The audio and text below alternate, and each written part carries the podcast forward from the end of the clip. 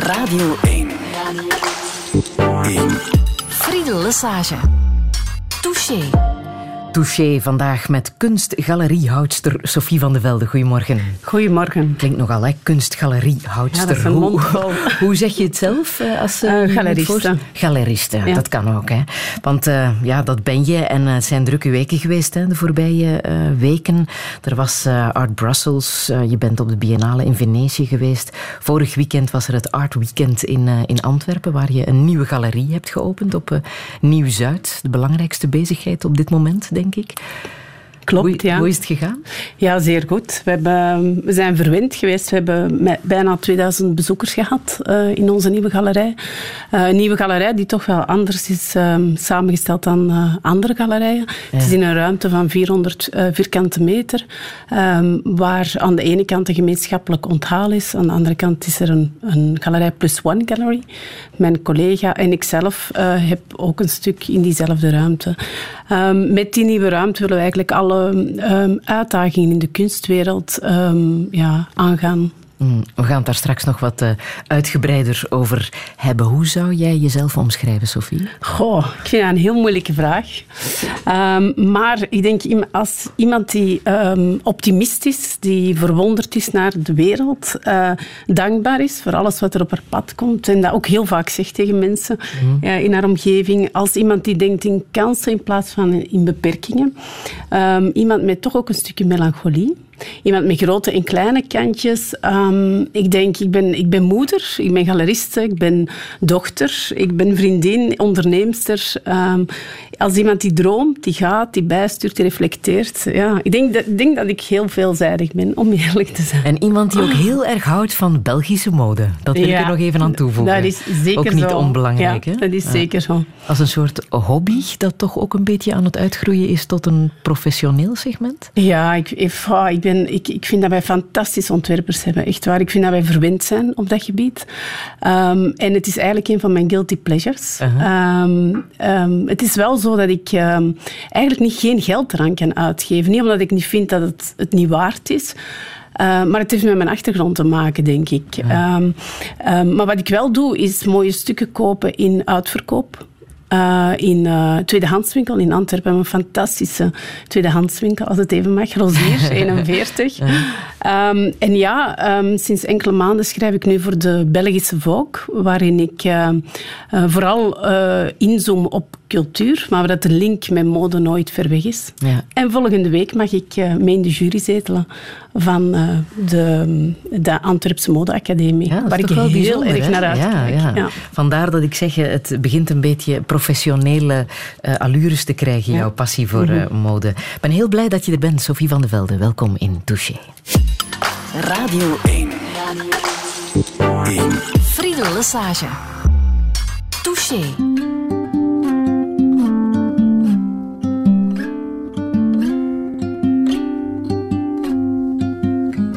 No combination of words I could put on the back of a postcard. No song that I could sing, but I can try for your heart. And our dreams, and they are made out of real things, like a shoebox of photographs with sepia tone loving. Love is the answer, at least, for most of the questions in my heart. Like, why are we here and where do we go? And how come it's so hard? It's not always easy, and sometimes life can be deceiving. I'll tell you one thing, it's always better when we're together.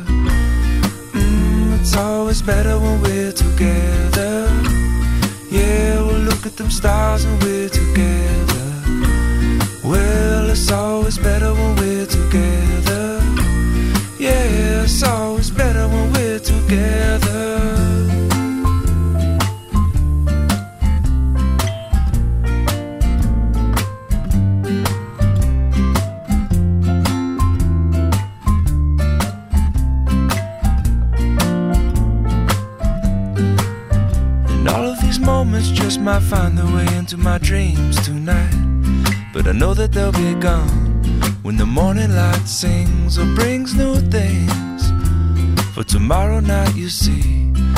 they'll be gone too. Too many things I have to do. But if all of these dreams might find their way into my day to day scene, I'd be under the impression I was somewhere in between with only two, just me and you. Not so many things we got to do, or places we got to be. We'll sit beneath the mango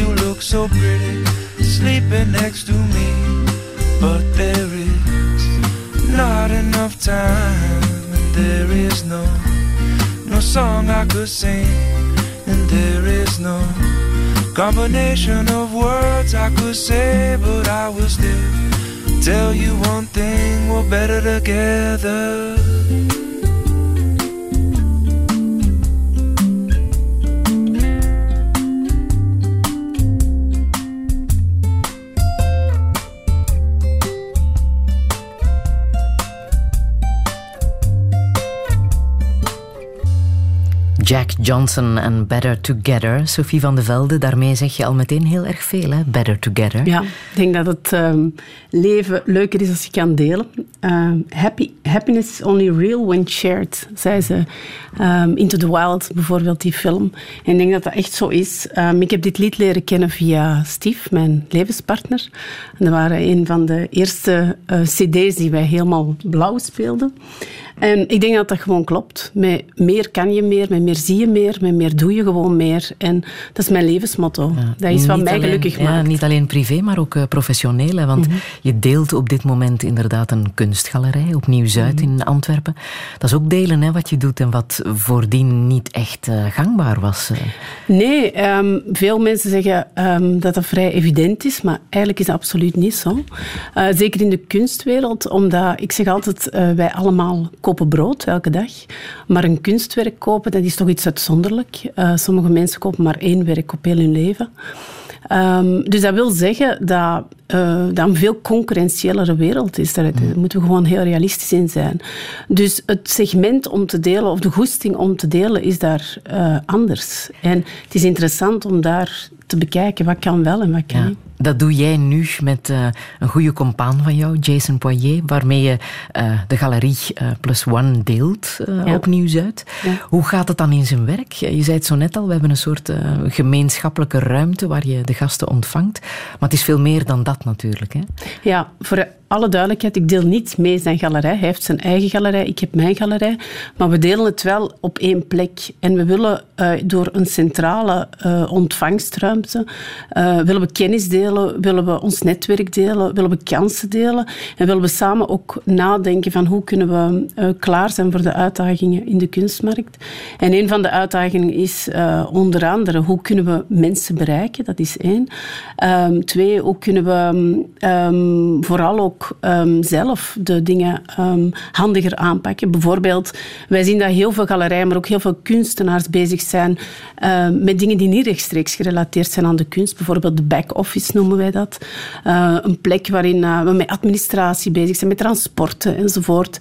En eigenlijk willen wij dat reduceren, waardoor er energie vrijkomt om bezig te zijn met onze core. En dat is werken met kunstenaars, dat is werken met, met, ja, met mooie dingen laten zien. En dat is eigenlijk wat we doen. Want voor iemand die niet thuis is in de kunstwereld, kan je omschrijven wat zo'n takenpakket van een galeriste precies inhoudt?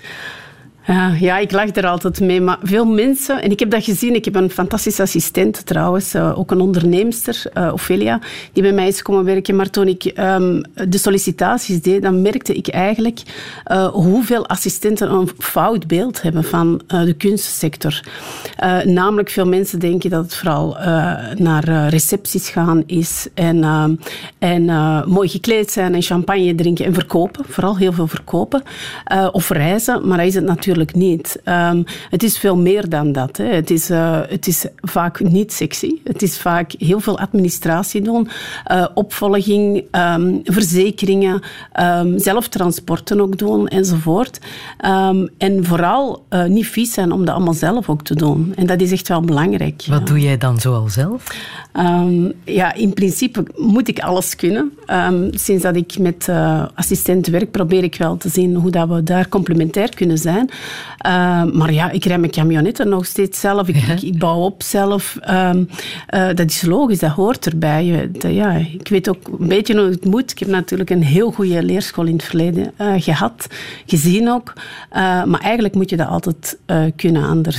Want de tentoonstelling nu in jouw nieuwe galerij op Nieuw-Zuid heet Words, Words, Words. Ook mhm. daar moet je over nadenken natuurlijk. Hè. Je hebt mhm. een thema bedacht. Mhm. Ik vermoed dat dat van jou komt. En dat je daar dan werken bij zoekt. Hè? Hoe is dat gegaan? In uh, de nieuwe galerij is het eigenlijk heel eenvoudig uh, gegaan. Ik, uh, ik wilde een tentoonstelling maken met kunstenaars waar ik heel graag mee wilde samenwerken. En het woord is altijd heel belangrijk, denk ik, geweest. We hebben um, volgens het klassieke denken eerst stillevens en het woord is veel later gekomen, hè, via de dadaïsten bijvoorbeeld. En um, het woord is overal. Het is een heel universeel gegeven. We gebruiken allemaal het woord. En ik wilde een heel toegankelijke tentoonstelling maken aan de ene kant, maar aan de andere kant wel met een grote goesting met kunstenaars waar ik al heel lang mee wil samenwerken. En daardoor zijn er um, kunstenaars die minder misschien gekend zijn voor het grote publiek. Ik denk daarbij aan Navid Noor, ik denk aan Fiona Banner bijvoorbeeld, die nu ook een grote tentoonstelling heeft in de Pont in Tilburg. Uh, maar ook een heel mooie tekening van, uh, van Louise Bourgeois zit bijvoorbeeld in de tentoonstelling. Dus goesting is alles. En vooral belangrijk is ook, uh, ik wilde samenwerken met een grote groep van andere galerijen internationaal. Wat ik nu al verschillende jaren doe. Uh, maar specifiek waren er verschillende galerijen. Ik dacht, er wil ik ook wel eens, ik wil eens voelen hoe dat, dat is om met hen samen te werken. Dus er zijn bijna 15 galerijen, kunstenaars waarmee ik samenwerk. En ik zie het eigenlijk als een, een speelruimte ook wel om uh, een nieuw thema ja. uh, uit te proberen. Het is opengegaan uh, 14 mei. Hoe lang loopt zo'n tentoonstelling dan? Uh, meestal tentoonstelling loopt, loopt, zes weken. Deze tentoonstelling loopt een klein beetje langer. Dus concreet wil dat zeggen, in, in juli um, zullen we alles uh, terug afbreken en gaan we een tweede stuk van het woord openen. Dus zal tot uh, eind augustus lopen. Maar meestal is dat zes weken. Omdat je in die zes weken alles kan verkopen? Of waarom is dat die termijn? Verkoop, um, verkoop is superbelangrijk. Als galerij moet je verkopen. Je moet daar niet flauw over doen, anders kun je niet bestaan. Uh, maar ik begin eigenlijk nooit... Um, uh, dat is nooit een invalshoek. Bijvoorbeeld, we hebben net een tentoonstelling ook gedaan in onze andere ruimte, dan het Militair Hospitaal in Antwerpen, wat een stuk is van ons huis. Dat is een galerij in een stuk van ons huis. En dat was een tentoonstelling van Bruce Nauman en Philip Vandenberg. Um, wij hadden vooral, we waren met een grote groep van mensen die goesting hadden, bijvoorbeeld stichting Philip van den Berg, om daar iets uh, rond te doen samen met uh, en Wirt, um, galerij uh, in het buitenland. En um, alles wat erbij komt is fantastisch. Er is heel veel, heel veel bezoekers geweest en veel curatoren geweest. Er zijn ook bezoekers vanuit heel ver, over heel de wereld gekomen. En dat is voor ons al winst. En als er dan natuurlijk nog een, een mooie verkoop bij komt, is dat heel Maar heel daar fijn. hing, dacht ik, ook een werk dat niet eens te koop is. Nee, verschillende werken waren niet te koop. Ja. Ja. En waarom is dat dan? Omdat dat superbelangrijk is, omdat je zo'n verhaal vertelt. Je, je, kan niet, je kan misschien wel uh, alleen een verhaal vertellen als dingen te koop zijn, maar in dit geval was het belangrijk om ja, sommige werken niet te koop. Hoe overtuig jij mensen die nooit een kunstgalerie binnenstappen om toch maar eens te komen kijken? Maar ik denk het grootste misverstand in de kunstwereld is, um, we hebben daar geen budget voor. Um, dat is één. En twee, we komen niet langs, want um, we kunnen niks kopen. Ik denk dat maar maximum 1% van alle mensen die ons bezoeken iets kopen. Moest het al 2 of 3 procent zijn, dan, ja, dan zouden zou de cijfers ook anders zijn. Uh, dus dat is een misverstand, denk ik. Uh, in de galerij nu bijvoorbeeld, op Nieuw-Zuid, uh, Words, Words, Words, is het goedkoopste werk enkele honderden euro's. En het duurste is ja, met meerdere getallen. Nullen erachteraan. Nullen erachteraan. maar heel maar, concreet, kan je daar echt bedragen op plakken? Um, ik denk het goedkoopste werk is nu 350, maar we hebben ook al werken van 50 euro gehad. Uh -huh. Bijvoorbeeld rond uh, um, kerstmis of zo zijn er wel ook uh, kunstenaars die zeggen, we hebben goesting om zoiets uit te proberen om mensen ook te bereiken. En ja, duurdere werken die gaan, die gaan verder. Dat is veel meer. Ja. ja. En mensen kennen jou natuurlijk ook. Hè? Uh, dat is ook het mooie aan, aan zo'n klantenbestand, denk ik. Dat, dat je een soort vriendschap opbouwt met mensen die uh, vaker naar de galerie terugkomen. Ja, oh, kunst is toch wel een. Um, gaat over vertrouwen. En dat is ook iets dat je moet opbouwen, dat voel ik wel. Um, ja, dat gaat erover. En je hebt vaste klanten die steeds weer terugkomen. En uh, ik ben daarover verwonderd, vind dat fijn ja. om dat te zien. Uh, ja, dus dat moet wel zo zijn. Ja. ja. En het is ook telkens weer zoeken naar nieuwe kunstenaars, nieuwe contacten ook met kunstenaars die je nog niet kent. Hoe doe je dat? Um, ik weet eigenlijk heel goed wat ik wil, wat ik niet wil. Um, dus ja, gisteren kwam ook weer iemand zich aanbieden um, als kunstenaar. Um, dat wil niet zeggen, ik bekijk eigenlijk altijd alles wel. maar er zijn enkele kunstenaars waar ik van zeg, ja, daar wil ik heel graag mee samenwerken. En dat ga ik ook proberen. Hmm. Dan ga ik erachteraan en ga ik dat onderzoeken. Uh, niet ten koste van alles, maar ja, dat is wel hoe ik in elkaar zit. Aan de andere kant is het wel zo, ik vind ook belangrijk, uh, we zijn nu, ik heb ongeveer een, een 10, 12 vaste kunstenaars in de galerij. En ik vind het ook heel belangrijk om die te blijven ondersteunen. En ik wil geen galerij worden waar de pool zo groot wordt dat je um, niet meer kan nadenken, niet meer kan zoeken en samen een proces aangaan. Uh. Je stond met de galerie ook op Art Brussels. Mm. Hoe belangrijk is het uh, voor jou om daar te staan? Want dat kost geld. Zo'n stand, uh, ik las 20.000 mm -hmm. of misschien zelfs meer. -hmm. Om daar een weekend te kunnen staan. Hoe belangrijk is het om daar aanwezig te zijn? Ja, dat is superbelangrijk. Um, ik, um, het is nu mijn derde jaar dat ik dat doe. Um, het is heel belangrijk, beurzen, nog steeds. Waarom? Omdat ik ben het opbouwen. Veel mensen kennen mij nog steeds niet. Uh, en je moet beginnen in eigen land. En uh, natuurlijk is het belangrijk om dat ook uh, uit te breiden naar andere landen. Dus ik stond ook op Art Cologne. Um, op Art Rotterdam, onder andere. Um, dus ik doe vier, vijf beurzen omdat daar ook de grote collectioneurs passeren uit andere landen? Ja, wat mijn ervaring vooral is... Um, ik had ook een aanbieding gekregen om bijvoorbeeld in, in New York uh, um, op een beurs te gaan staan. Maar mijn ervaring is, ik wil eigenlijk initieel wil ik een netwerk opbouwen uh, hier in uh, België of de buurlanden. Dus we werken veel samen met Duitsland, veel met Nederland, met Londen. Met Parijs minder. Um, maar ik merk dat um, klanten, dat bezoekers, curatoren uh, geneigd zijn om de trein te nemen, de auto te nemen of het vliegtuig te nemen omdat het maar enkele uren vliegen is. En ik vind het in eerste instantie belangrijk om een duurzaam netwerk uit te bouwen in die uh, driehoek, noem ik het altijd. België, Nederland, uh, Duitsland. En we zijn daar heel actief in toon. Ook mm. met andere Duitse galerijen hebben we heel veel um, ideeën om wisselwerkingen te doen met uh, Belgische kunstenaars enzovoort. Half juni begint ook Art Basel. Mhm. Ga je daar ook ja. naartoe? Ja. Mm. Al klaar? Weet je al wat je daar gaat uh, ophangen? Uh, nee, ik, ik, sta, ik sta niet zelf in uh, Art Basel. Dat is een, niet zo eenvoudig om daar ooit Dat is een hele grote, hè? Ja, mijn ouders hebben daar wel um, gestaan. En, maar ik ga wel naar de beurs. Ik vind dat heel belangrijk om daar naartoe te gaan. Om te zien van wat wordt er getoond. Maar vooral, ik zie daar vooral heel veel van mijn collega's. Ik, zie, ik zit samen met heel veel collega's um, over heel de wereld. Dus dat zijn voor ons ook drukke programma's. Met curatoren ook.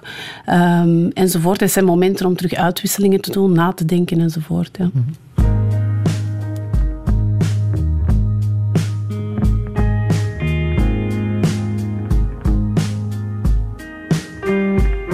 Sometimes you pretend that you don't care, but you care more than anyone ever will. And there's so many obstacles and so many times you thought you were standing still. Now you're dreaming of victory with tears in your eyes. And you like yourself best now. At times you don't try. You're learning to disappear. You gotta go while you can.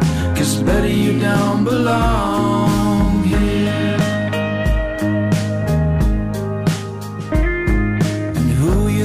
You are and the way you see the world are the cages that you're living in.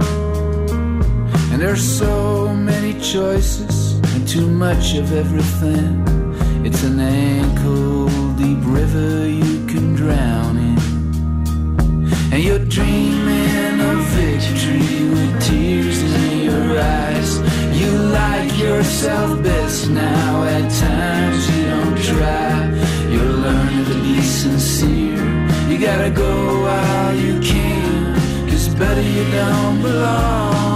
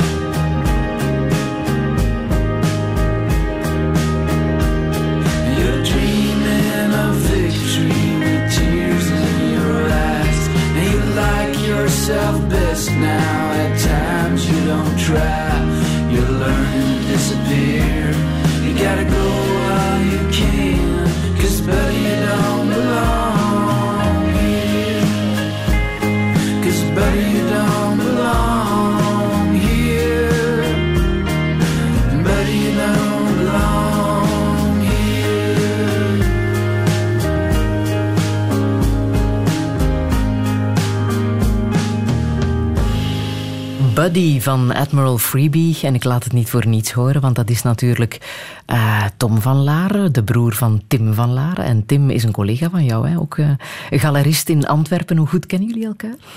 Wij zijn collega's, ja. ja nee, ik, ik heb uh, heel veel respect voor uh, het programma dat Tim brengt. Ook hij zelf als mens. Hij is, ja. Uh, ja. En daar loopt ook alles een beetje doorheen, want mm -hmm. de videoclip van dit nummer is opgenomen in de atelier van Rinus van de Velde, mm. een van de, de, kunstenaars die bij hem ook exposeert. Mm -hmm. Nu, dat familiegegeven is bij jou ook echt wel aan de orde. Hè? dochter van Ronnie van de Velde. Um, de peetvader van uh, de Belgische kunsthandel, zo wordt hij ook genoemd. Hoe is hij eigenlijk in, uh, in de kunst beland?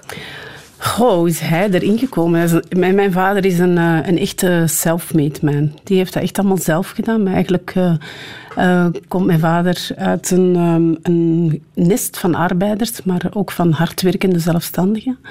En was hij Um, al heel jong gepassioneerd door kunst. Mm -hmm. En um, dat was echt heel vroeg. En um, dat was bijzonder. De, ik, ik, hoor van zijn verhalen van mijn grootouders ook dat dat uh, not done was in eerste instantie. Uh, maar hij heeft het altijd gedaan op zijn manier. En hij heeft dat fantastisch gedaan. Ja, ja hij is heel, heel vroeg uh, ermee begonnen. Ja. En van waar die drang om handel te drijven in, in kunst? Ja, eigenlijk, eigenlijk heeft hij altijd... Um, eigenlijk is hij begonnen met, uh, met uh, strips uh, in, een, in een kleine winkel in, in Antwerpen en met antiek enzovoort, enzovoort. En dat heeft zich altijd opgebouwd. Dus als kind... Um, ik was, mijn vader is heel jong vader geworden. Hij was 18 toen ik uh, geboren werd. Uh, ik heb jonge ouders. Um, en dus ja, hij moest uh, overleven. Hij heeft dat ook gedaan. Hij heeft die taak ongelooflijk opgenomen. Hij is met de post gaan werken. Hij heeft bananenboten gelost enzovoort om ons om te voorzien in ons onderhoud. En, um, maar heeft die passie nooit losgelaten. En we hebben dat helemaal zien opbouwen. Hoe hij de eerste keer naar, naar Engeland ging om een mooi werk te zoeken enzovoort. En, uh, ik heb bij mijn ouders altijd um, die passie gevoeld. Die passie om te gaan voor de dingen die je, die je wil doen. Mm -hmm. En ja, kunst was er altijd. Kunst uh, daar stonden wij mee op. Wij gingen ermee slapen. Het was er altijd. Kunst, kunst was ons leven en is ons leven ook nog. Geen evident leven, denk ik, als, als jong meisje om zo in zo'n bijzonder uh, gezin met zo'n bijzondere activiteit op te groeien? Ja, ik, ik, ik kon mezelf niet vergelijken met anderen of zo. Ja, ik voelde wel op school dat het anders was misschien. Um, maar aan de andere kant, ja, ik, ik heb dat wel... Als, hoe, hoe ouder ik word, hoe meer ik daarna reflecteer en hoe meer ik zie hoe fantastisch dat het eigenlijk is. Mijn ouders waren nooit heel sturend. Um, ze waren heel open. Ze gaven alle ruimte om te onderzoeken, onderzoek te doen. Ze waren niet de ouders die alles gingen plat beredeneren. Um, zij waren ouders die... Um, ja, die, als ik vroeg bijvoorbeeld aan mijn vader van vertel eens iets over die kunstenaar, dan zei hij, voel je het niet, Sophie? Dan is het er niet. En dat heeft mij gedwongen om te kijken, dat heeft mij gedwongen om te voelen, dat heeft mij gedwongen ehm, om te luisteren. Want er werd constant over kunst gesproken en dat maakte dat ik daardoor mijn eigen verhaal kon maken. En als ik nu soms in musea rondloop en ik zie mensen met headphones, dan denk ik, dan voel ik mij rijk uh, door de achtergrond die ik heb gekregen, omdat door die headphones uh, weergalmt dan, kijk, links is een wolk en die wolk is de duisternis. En dan denk ik, wat met onze verbeelding? Ja. Wat met onze dromen? Wat met onze ja, maar ik denk, ja, nee, ik ben heel blij. En uh, ze hebben dat heel, heel uh, lang gedaan, goed gedaan. Um, er waren altijd heel straffe kunstenaars ook die bij ons langskwamen. Maar zij hadden nooit iets van uh, allemaal recht zitten, want er komt een belangrijk kunstenaar. Wij wisten dat eigenlijk maar achteraf of zo. Um, zij aten mee bij ons aan de, aan de tafel. Aan de tafel uh, in de keuken werden zaken gedaan enzovoort. Uh, en soms vertrok ik s morgens naar school en dan stond er een fantastisch werk en dan dacht ik, wauw. En s'avonds kwam ik terug en was het weg en dan was het verkocht. En natuurlijk, die handel is belangrijk. Anders had hij nooit zulke fantastische dingen kunnen doen. Um, maar ook um, mijn moeder bijvoorbeeld, zij, um, zij waren met twee heel begeesterd. Zij is bijvoorbeeld op mijn, ons negen jaar nog terug naar de universiteit gegaan. En ik, ik, uh, Um, dat zijn de dingen die we hebben meegekregen. Het is niet toevallig dat ik tot mijn 35 ook terug naar de universiteit ben gaan studeren uh, een, en een master onderwijswetenschappen ben gaan halen. Dus ik ben eigenlijk zeer dankbaar en ik kan dat niet genoeg zeggen. Ik vind dat, ja, ja maar toch ben je niet meteen in het spoor van je vader getreden. Hè? Je bent er wel mee opgevoed, maar je hebt toch gekozen voor je eigen weg. Ja, Nee, dat heeft ook te maken. Ik heb uh, toen ik 18 was uh, wel uh, in de galerij gewerkt. Ik heb ook stage gedaan. Ik heb vrij lang ook in de galerij meegeholpen. maar mijn ouders waren zo'n enorme tandem dat ik dacht, wat kan ik eraan toevoegen? En ik denk, op een of andere manier wil je iets toevoegen. Uh, en um, ik was heel lang begeesterd door heel veel sociale um, problematieken. En heb dan ook gekozen om na mijn stage um, in de galerij voor maatschappelijk assistent te gaan studeren. Ja. Nadien nog een leraaropleiding bijgedaan, therapeutische opleidingen bijgedaan. Uh, en ik heb uiteindelijk uh, op mijn 35 mijn master in onderwijswetenschappen nog gehaald. What's your favorite idea? Mine is being creative. How do you get that idea? I just try to think creatively. Now, when you look at this orange, tell me please, what do you see? It's just a boring old orange. Maybe to you, but not to me. I see a silly face. Whoa. Walking along and smiling at me. I don't see what you mean. Cause you're not thinking creatively. Express myself. That sounds really boring. I use my hair to express myself. Now, when you stare at the clouds in the sky, don't you find it exciting? No. Come on, take another Oh, look. wait. I can see a hat. I can see a cat. I can see a man with a baseball bat. I can see a dog. I can see a frog. I can see a ladder leaning on a log. Think you're getting the hang of it now, using your minds to have a good time. I might paint a picture of a clown. Whoa there, friend, you might need to slow down.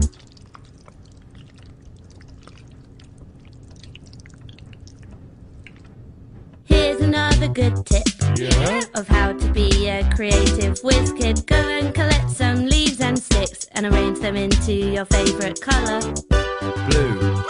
Green. Green is not a creative colour. There's oh. one more thing that you need to know before you let your creativity flow. Listen to your heart, listen to the rain, listen to the voices in your brain. Come on, guys, let's get creative.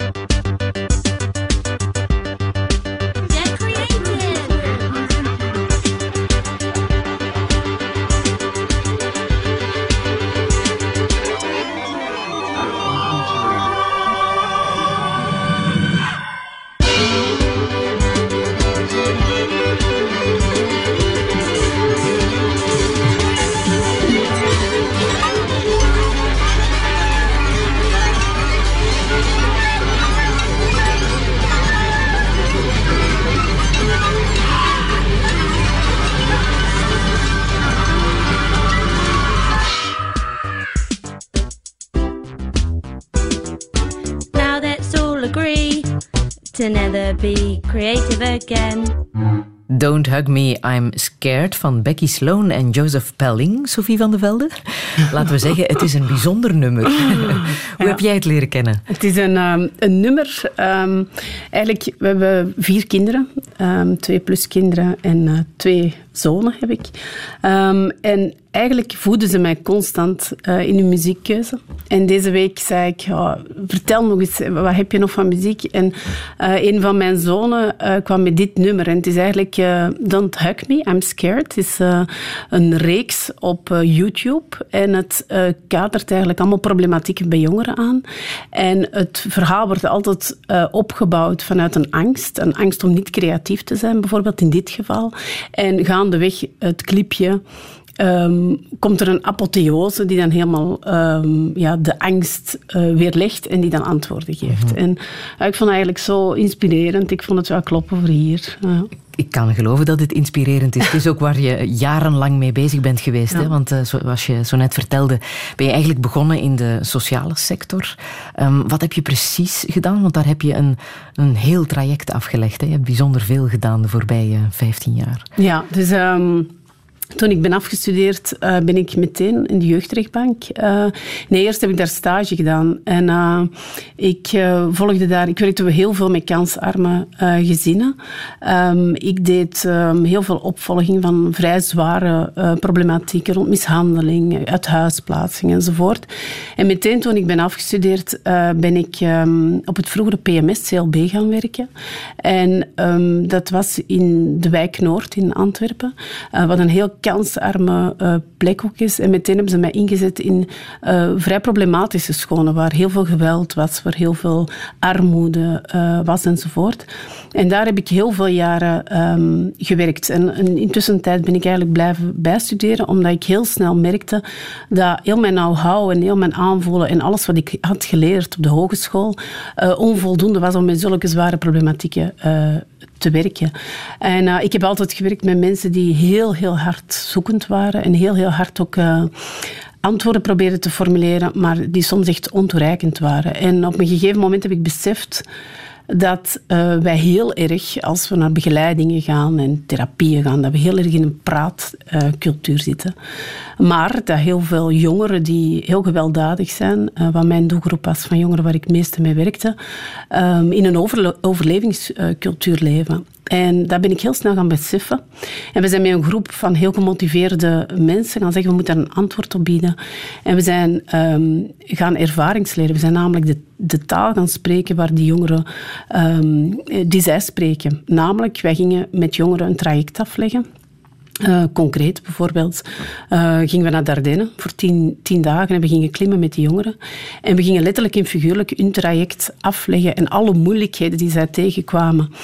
Uh, in het echte leven kwamen wij tegen in de natuur natuurlijk, want we moesten van A naar Z in alle weersomstandigheden met een beperkt pakket aan voedsel, want dat weegt zwaar als je dat allemaal in je rugzak moet hebben. Maar het belangrijkste was, ehm, ik was heel erg overtuigd van die methodiek, van klimmen en, en, en gaan. Maar ik had zelf een probleem. Ik had hoogtevrees. En uh, ik heb dat eigenlijk als metafoor gaan omzetten, omdat ik dacht, goed, de angst die jij hebt naar hoogtevrees, die ik dus heb naar hoogtevrees, hebben heel veel jongeren om in het leven te staan. En uh, concreet ben ik beginnen beseffen, dus normaal als ik op een ladder van twee meter sta, ben ik zeer angstig, ben ik beginnen beseffen dat uh, angst verbeelding is. En dat je met angst, dat je op heel veel verschillende manieren met die angst kunt omgaan. Je kan dat gaan voeden en zeggen, oei, ik ga vallen, want het is twee meter. En, ja. en als ik dan 13 meter hoog ging, kan ik zeggen van, oei, als ik val, dan ben ik waarschijnlijk dood. Maar ik kan ook... Um, als ik gezekerd hing, 13 meter hoog, zeggen: Ik hang hier vast. Ik heb mezelf gezekerd. Mijn co-trainer heeft mij ook nog eens gezekerd. Kijk rondom mij, ik zie natuur, ik zie wijsheid enzovoort. En dat is eigenlijk een mindset, um, zonder dat daar echt therapieën aan vooraf zijn gegaan, die ik ben blijven gebruiken doorheen heel mijn leven, aan de ene kant. Maar vooral ook met, die, met jongeren. En uh, ik heb dat um, jaren gedaan. Ik heb ook heel veel uh, schoolteams getraind. Ik heb uh, directies getraind die twee jaar uh, directiecursus moesten volgen. En um, daar toch wel heel veel rond jongeren met serieuze problematieken gewerkt. En ik heb dat gedaan tot op het moment dat ik zwanger van mijn tweede zoon, 13 meter boven een afgrond hing. En een jongen moest rappellen die in paniek was. En uh, toen dacht ik, Sophie, kom naar beneden. En misschien moet je het even anders aanpakken. En dan naast het feit, ik woonde op Sturenborg in Antwerpen. En op een gegeven moment had ik een kind uit huis moeten plaatsen vanwege extreme zware mishandeling. En um, heel die familie heeft mij enkele dagen blijven zoeken. Dus we hebben um, niet echt ondergedoken moeten zitten, maar toch wel um, anders moeten omgaan. En dan ja, dan kom je toch ook wel je grenzen tegen. En dacht ik, als ik nu iets wil veranderen, moet ik misschien niet alleen veldwerk doen, maar moet ik meer beleidsvoorbereidend ook gaan werken. Dus na 13 jaar echt midden in al de verschillende scholen harde techniek te staan. Um, heel veel jongensscholen, te werken met um, al de, de jeugdgevangenissen enzovoort. Um, heb ik besloten om uh, beleidsvoorbereidend dingen te gaan veranderen. Mm. En is dat gelukt? Heb je daar iets kunnen veranderen? Ik denk het wel. Um, daar is eigenlijk het moment begonnen dat ik veel meer in netwerken ben beginnen denken. Omdat ik besefte dat jongeren die aan het overleven zijn, als je alleen met hen werkt, nadien moeten zij terug naar die overlevingscultuur. En uh, stellen zij opnieuw hetzelfde gedrag. Dus als je dat wil veranderen, moet je dus ook heel het netwerk aanpakken. Ouders, uh, het hulpverleningsnetwerk enzovoort. En um, in onderwijsbeleid in Antwerpen waren we met een groep van mensen die geloofden dat bijvoorbeeld, als we dan naar onderwijs kijken, de netten zoals ze zijn um, opgesteld, katholiek, stedelijk enzovoort, um, dat dat structuren zijn die 150 jaar geleden of langer hun zin hadden, maar dat dan nu, dat we eigenlijk allemaal met één ding bezig zijn, namelijk met goed onderwijs bieden. En dat we daardoor grensoverschrijdend moesten werken. En uh, uh, daardoor zijn we een, op een gegeven moment centraal meldpunt opgesteld, dat, uh, gestart, dat eigenlijk nog altijd bestaat. Dat was een net overkoppelende cel. Um, die vooral consultancy deed aan verschillende CLB'en en, uh, en, en, en gingen nadenken in functie van problematieken en vooral coachings gingen geven aan leerkrachten, scholen, om dingen te veranderen. Mm -hmm. En het is op dat moment dat ik ook besefte, dus ik, ik herinner mij ook de eerste keer als ik het Vlaams parlement ging spreken, of um, toen ik ging spreken um, voor de gemeenteraad, dat ik gewoon werd uitgefloten van hoe durfde ik het uh, stuk van de netten in vraag te stellen. Uh, maar het was wel het enige antwoord, dus ik geloofde daarin. En het is er ook gekomen, dus er is een cel gekomen, waar eerst was ik alleen, dan met twee. En we zijn geëindigd met een vrij grote groep die nog steeds bestaat en nog steeds onderzoek doet. Mm. Maar onderzoek was het stuk waarmee ik uh, politici en um, moest overtuigen. Dat besefte ik heel snel. Dus ben ik terug aan de universiteit gegaan. En uh, ben ik uh, um, iets wat niet in het verlengde van mijn kwaliteit lag, namelijk uh, 13 vakken statistiek gaan volgen. Ja. Om, um, om, om mensen ook te overtuigen. Uh, daarnaast waren er onderzoekers ook in mijn team die, die dat veel beter konden dan ik zelf. En, um, en dat, opnieuw, het is er nog steeds. Ik heb gisteren nog iemand gezien die zei het, het, het werkt steeds, steeds mm -hmm. beter.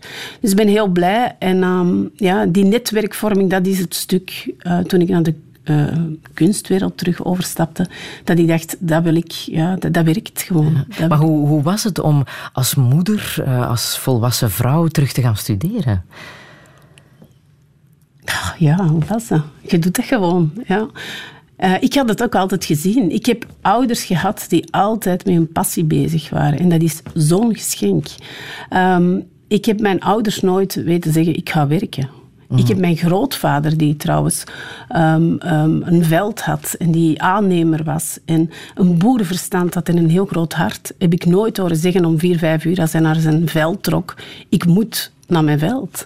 Die zei, ik ga naar mijn veld. En ik mocht mee. En ik mocht om vier, vijf uur mee. Maar mm-hmm. ik moest niet zeggen dat ik honger had of dat ik dorst had. Ik mocht mee op het veld werken. En ja, dat, is, dat, dat zijn cadeaus. En uh, ik denk dat ik die meeneem. Ik denk ja. dat, uh, waardoor ik ook niet deze dagen... Het is mooi weer. Ik zie veel vakantiekiekjes. Maar ik, wij staan in de galerij en wij doen dat met plezier. Dat is ja. niet zoiets van, oei, ik moet nu naar mijn werk. Wat heb je echt van je grootvader geleerd, denk je? Oh, die had een... Uh, een boerenverstand. Die heeft een, echt een, een boerenverstand en die, die zei de dingen uh, niet altijd op een uh, geletterde manier, zoals ze wel zeiden. Uh, maar ja, het kwam erop aan. Dat was belangrijk. Dat was een belangrijke aanvulling, denk ik, met alles wat ik van mijn ouders heb meegekregen. voeling met de grond, met de realiteit. De geaardheid, ja. Ik ben een dromer, denk ik. Ik droom heel veel, maar ik ben zeer geaard ook. Mijn dromen hebben altijd een soort realiteitszin, zeker en vast. En die geaardheid, denk ik wel dat ik die van hem heb gekregen. Mhm. Die switch van die sociale sector terug naar de kunstsector. Hoeveel energie en moed is daarvoor nodig geweest? Um, Eigenlijk niet veel. Het was wel op een moment, eigenlijk uh, ging ik, uh, had ik mijn kandidaat gesteld om uh, directeur te worden van het uh, Stedelijk CLB. En er zat de mogelijkheid in dat ik dat misschien ook wel zou gedaan hebben. En toen heeft mijn vader, die op dat moment spijtig genoeg ziek was geworden, mij gevraagd om bij hem te komen werken. En ik heb daar eigenlijk absoluut niet zo lang over nagedacht. Um, ja... Um, omdat het ook een stuk van mezelf was. Nu, om eerlijk te zijn, zijn heel veel mensen uh, in de sociale sector die niet wisten dat mijn ouders een galerij hadden gehad. Ik sprak daar eigenlijk ook niet zoveel over, zoals heel veel mensen denk ik nu ook niet weten dat ik ooit uh, in de sociale sector heb uh, gewerkt. Mm -hmm. Maar ik denk, het, het, zit wel in alles. Het zit in wie ik ben en het zit in de keuzes die ik maak. Maar toch heb je niet de galerie van jouw vader overgenomen. Je bent wel terug in die kunstsector gestapt, maar je hebt je eigen ding gedaan. Ja. Waarom? Ik denk om uh, twee redenen. Ik denk de redenen die toen ik 18 was, um, gelden ook nu nog. Mijn ouders zijn een fantastisch team. Ze doen dat zeer, zeer goed. En ik denk um, dat dat mooi is om dat te laten zijn. Dat is één. Uh, maar twee, en misschien is dat ook nog belangrijker, heeft dat ook te maken met het feit dat ik graag met mensen werk. En mijn vader die doet ongelooflijke dingen. Uh, ongelooflijke mooie projecten rond verschillende thema's. Maar heeft niet zo heel veel hedendaagse kunstenaars uh, waar hij nog mee samenwerkt buiten. Willy de Souter in. Mm uitzondering, denk ik. Een goede uh, kunstenaar is een dode kunstenaar. Dat is een uitspraak van jouw ja, vader. dat klopt. Ja. ja daar zit ook wel een reden achter. Daar zit een reden achter. Het klinkt harder dan hij het bedoelt, maar ik denk de belangrijkste reden is één, je hebt een overzicht van het oeuvre van de kunstenaar. En uh, natuurlijk, je, je je legt je eigen interpuncties. Hè. En dat is ook zo. Maar mijn geluk zit in die interpuncties te leggen met uh, levende kunstenaars. Samen met kunstenaars na te denken van wat hebben we nu, waar willen we naartoe gaan, wat kunnen we toevoegen, um, enzovoort. En, en dat is het geluk. En als we daarin slagen, elke keer, is dat, uh, is dat een meerwaarde. Ja. En het is samen bouwen aan iets, denk ik. Op welke manier geeft hij nog advies aan jou? Galeristen onder elkaar? Mm, ik denk, um, hij gaat, zal het mij nooit echt geven, tenzij dat hij echt denkt van het klopt niet, denk ik. Dan zal hij het wel doen. Maar ik vraag het hem wel. Ik vind het wel fijn om het te horen. Ja. Um, wat vindt hij van wat je nu aan het doen bent? Ik denk dat hij het, uh, dat hij het apprecieert allemaal. Ja. Nog niet gezegd? Ja, toch wel. door, de, door de regels heen. Ja, ik klaag niet.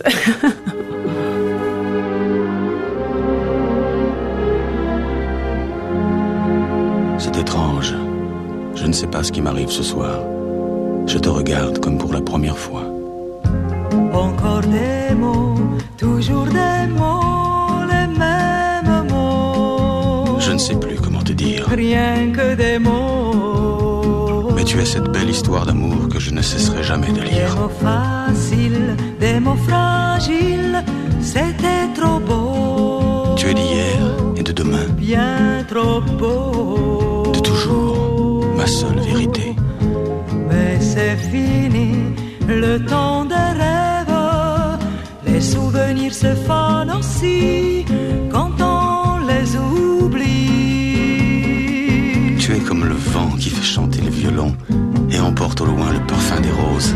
Caramel, bonbon et chocolat.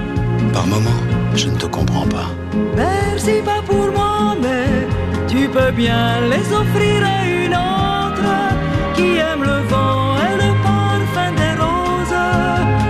Moi, les mots tendres enrobés de douceur se posent sur ma bouche, mais jamais sur mon cœur.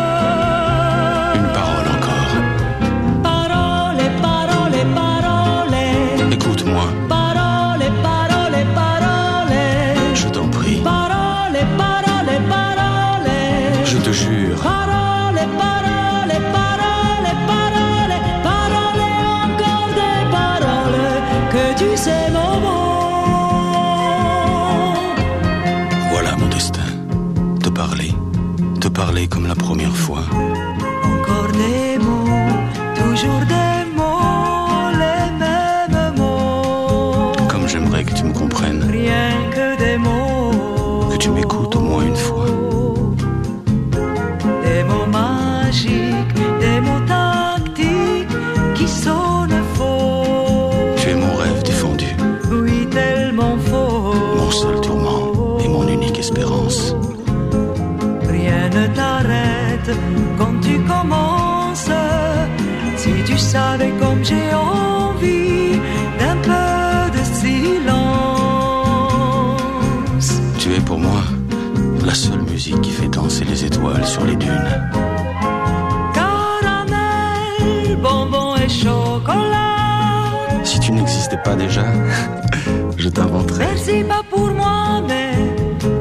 Bien les offrir à une autre qui aime les étoiles sur les dunes. Moi, les mots tendres enrobés de douceur se posent sur ma bouche, mais jamais sur mon cœur. Encore un mot, juste une parole. Parole, parole, parole, Écoute-moi, parole, parole, parole. je t'en prie,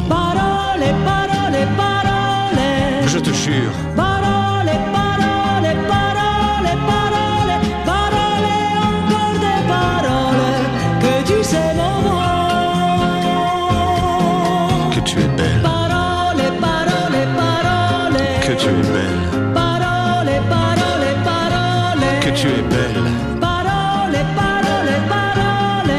que tu es belle. Parole, parole, parole, parole, parole, encore des paroles que tu sais mon Dalida en Alain Delon met Parole Parole. Sophie van de Velde, wat een geweldige tekst als je erop inzoomt. Hè? Wat die allemaal zingen. Ja, dat is, eh, dat is een lied dat ik heb gekozen omdat als we naar Frankrijk rijden, eh, zoals we de voorbije zomers hebben gedaan, dan zijn de kinderen DJ in de auto. En voorwaarde is dat zij hun muziek spelen, maar dat er af en toe een Frans liedje moet tussen zitten. En dit is zo een liedje waar een consensus rond is. En dat zij zelf ook heel goed vinden. En eh, het heeft natuurlijk iets zeemzoet. En het heeft iets van... We willen het allemaal geloven, de tekst. En mon destin, si tu n'existe pas, je t'inventerai. Ja, dat wil iedereen horen. Eh, maar mijn nuch nuchterheid gebiedt dat het uh, zeemzoet is. En dat we vooral moeten van genieten. Zo. Ja. Hoe kom jij tot rust? Oh, hoe kom ik uh, tot rust? Eigenlijk, um, rust zijn voor mij momenten die niet gepland zijn. En um, in die momenten um, vind ik het heerlijk om met vrienden samen te komen, met familie samen te komen, mensen te zien, dingen te laten zijn enzovoort. Mm. Ja, dat mogen plekken zijn, bij voorkeur ook waar de zon schijnt. Vind ik altijd wel meerwaarde. Ik vind het soms te koud in België. Um, maar waar mensen zijn, ja, dat, dat warmt mij wel op. Dat zijn uh, mooie, mooie momenten. Vriendschap is belangrijk hè, voor jou? Ja, superbelangrijk. Ik, uh, ik ben verwend, want ik heb uh, al meer dan 30 jaar een hele goede vriend, Nico. En die is er altijd. En uh, ook op momenten als ik het niet vraag, is hij er. En uh, vaak is hij er ook niet, omdat hij misschien andere dingen doet. Maar ik weet, als hij er is, is hij ja, altijd daar. En dat is, ik vind dat heel comfortabel. En, en comfortabel is het verkeerde woord, maar heerlijk om te weten, die weet alles van mij. Die, die heeft ook alles meegemaakt. En die, die ja, dat is ja, fantastisch. Nuttig en nodig om zo iemand in je leven te hebben? Ja, zeker. Ja, ja. En ik heb natuurlijk nog vele andere mensen rondom mij, maar uh, hij is toch wel uh, zeer bijzonder. Uh, mm. ja. mm. Want over de wereld waarin jij werkt, zeg jij, die kunstwereld is een harde, eenzame wereld. Is dat zo erg? Die kan heel hard en eenzaam zijn, denk ik. Ja. ja. Ik denk... Ik heb dat vroeger als kind zo aangevoeld. Ik weet niet, um, um, ik, um, zonder dat mijn ouders dat bewust dingen over vertelden. Maar ik, voelde dat wel aan. Ik voelde hun zoeken, ik voelde ook uh, plekken zoeken enzovoort. En dat is wel de reden waarom ik lang heb gekozen om daar niks uh, in te doen, denk ik, als ik heel eerlijk ben. Maar ik probeer daar anders mee om te gaan. En ik merk wel heel vaak ehm, ehm, zijn er uh, galerijen bijvoorbeeld die zeggen we willen wel samenwerken. Uh, maar je merkt uh, heel snel uh, wanneer dat galerijen zijn die ook kans willen geven, of, of mensen zijn die kans willen geven. Of dat er vooral galerijen zijn die uit zijn op een eh, geen win-win, maar een win aan één kant. En dan zal ik daar één keer mee samenwerken en dan ga ik ook geen ruzie maken, maar dan stap ik weg.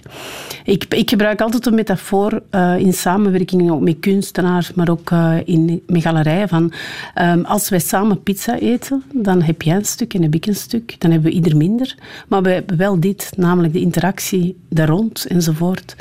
Um, vraag is, in een echte samenwerking wil dat ook zeggen dat je op een gegeven moment, als jij veel honger hebt, dat ik een groter stuk aan jou gaan geven. Want dat is natuurlijk zo. En daar zie je heel snel dat mensen afhaken. En dat is ook niet erg, uh, maar dat is wel belangrijk om dat te kunnen inschatten, om te weten wat is een volgende stap in de samenwerking. En, um, en dat voel je heel snel. Ik voel ook heel snel wanneer mensen um, met macht bezig zijn. Machiavelli, schaken. En ik zal meeschaken als het moet, maar um, dat is niet mijn voorkeur. Dat zijn niet de mensen waar ik mij constant wil mee laten omringen. Ik mhm. neem dat dan mee, ik zie dat en ik gebruik dat om weer een volgende stap te zetten. Welke andere kunstvormen kunnen jou uh, bekoren buiten de beeldende kunst? Oh, ik, uh, ik hou enorm veel van muziek. Ik vind uh, de keuzes die ik nu vandaag heb gemaakt zijn uh, allemaal een beetje ehm, retro-spectief wel, maar ik hou heel veel van muziek en ik, ik, ik heb heel veel bewondering. Ik wou dat ik een muziekinstrument kan spelen. Um, maar evengoed dans en, en, um, en literatuur. Ik lees veel te weinig. Um, ik, ik heb wel constant boeken rondom mij. Ik, ik, ik neem boeken vast. Ik, ik, ik, ik, ik pak fragmenten uit boeken, maar ik ben, zoals ik in alles uh, ben, uh, gepassioneerd en temperamentvol en ik wil dan mijn boek uitlezen. En ik merk doorheen een drukke week dat dat niet lukt. Dus als ik op vakantie ben, dan lees ik vier, vijf boeken uit, heel snel. Um, maar ik lees heel veel um, tussendoor. En uh, mijn vader bijvoorbeeld, die maakt fantastische kunstboeken. Uh, we hebben dat ook altijd gezien. Wij, ik vind ook ongelooflijk om te genieten van een mooi boek. Ik zie wanneer een boek mooi gemaakt is, wanneer een lettertype mooi is, wanneer het klopt of niet klopt, goedkoop is of niet. En uh, daar kan ik erg van genieten. Ik heb nog muziek uit een documentaire die gemaakt is over jouw favoriete kunstenaar, Bas-Jan Ader. Wat moeten we over die man weten? Waarom is hij jouw favoriete kunstenaar? Um, Bastian Ader was eigenlijk een performance artist die um, de grenzen van zijn eigen lichaam uh, opzocht. En dat deed door uh, bijvoorbeeld het, um, uit een boom te vallen of te huilen op een, op een camera enzovoort. En die daar heel, heel ver in ging. Hij is dan ook meteen uh, is overleden tijdens een van die performances. Tenminste, dat zegt de mythe. Hij is op zee gegaan met een bootje en nooit meer teruggekomen. maar wat eh, niet hij alleen. Ik heb heel veel kunstenaars waar ik heel erg veel van hou. Um, maar ik vind hem wel uh, bijzonder omdat hij um, ja, ons uitdaagt om aware te zijn. Um, te kijken voorbij het kijken. Op een zeer... ja, hij daagt ons uit om uit onze comfortzone te gaan. Mhm. Beangstigt jou dat niet als zo'n kunstenaar vertrekt op een bootje om niet meer terug te komen? Is dat het waard? Oh, is dat het waard, ja. Um, mijn antwoord zou zijn, die man was met zijn passie bezig. Die heeft dat waarschijnlijk zelfs amper beseft. Dus uh, ik denk dat het een mooie dood kan zijn, om eerlijk te zijn. Ik denk dat er... Uh, uh, ik weet het niet. De, de, mythe ging heel lang dat hij niet echt dood was enzovoort. Mm -hmm. en, um, maar het klopt natuurlijk wel. Hij, was, hij is een doorleefde werk... Um, geworden, ja, zeker en vast. Maar opnieuw, het is niet mijn enige kunstenaar. Ik denk bijvoorbeeld ook aan Francis Alice en aan heel veel andere kunstenaars die ons uh, een, een bril meegeven om anders naar de werkelijkheid te kijken. En ik hou minder van kunst die in uw gezicht ontploft, bij wijze van spreken. Omdat dan ben je bezig met de emotie rond um, rond het extreme en minder rond de lagen die erachter zitten. En verstilde kunst, conceptuele kunst, uh, abstracte kunst, daagt mij vaak veel meer uit om daar um, naar te gaan kijken en lagen eronder te leggen.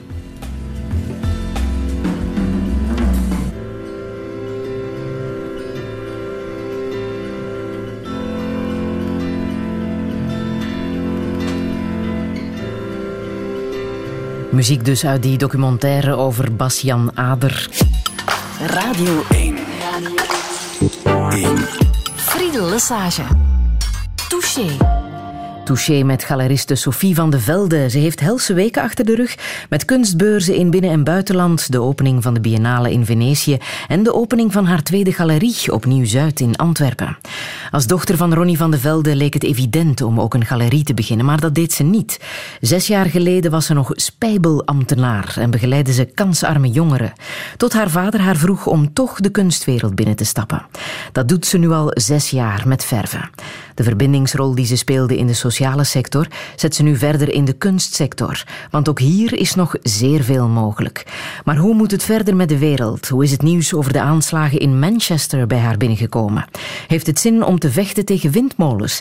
En is er toekomst voor de kunst? Dit is Touché met galeriste Sophie van de Velde. Goedemiddag.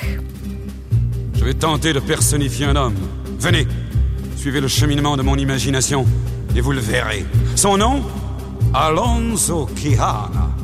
Il conçoit le plus étrange projet jamais imaginé. Devenir chevalier errant et jaillir dans le monde pour en redresser tous les torts. Ne plus être le simple Alonso Quijana, mais un preux chevalier connu sous le nom de Don Quixote de la Mancha.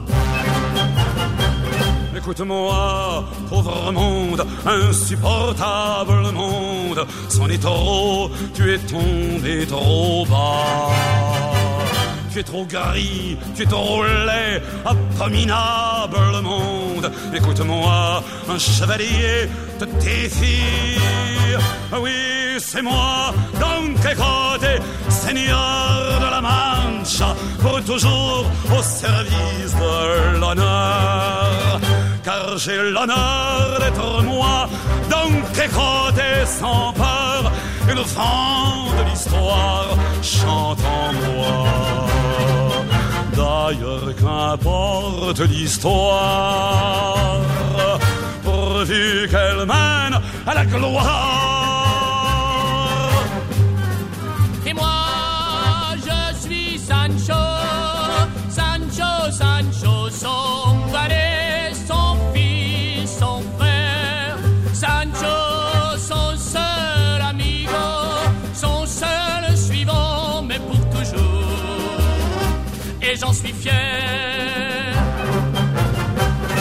Regardez-moi, vous les dragons, les sorciers, les sorcières, votre règne se meurt aujourd'hui. Regardez-moi, la vertu flambe dans ma bannière. Regardez-moi, un chevalier vous défie. Oui, c'est moi, Don Quixote, seigneur de la Mancha, pour toujours au service Car j'ai l'honneur d'être moi, Don Quixote sans peur, et le vent de l'histoire chante en moi. Et j'en suis fier. D'ailleurs, qu'importe l'histoire,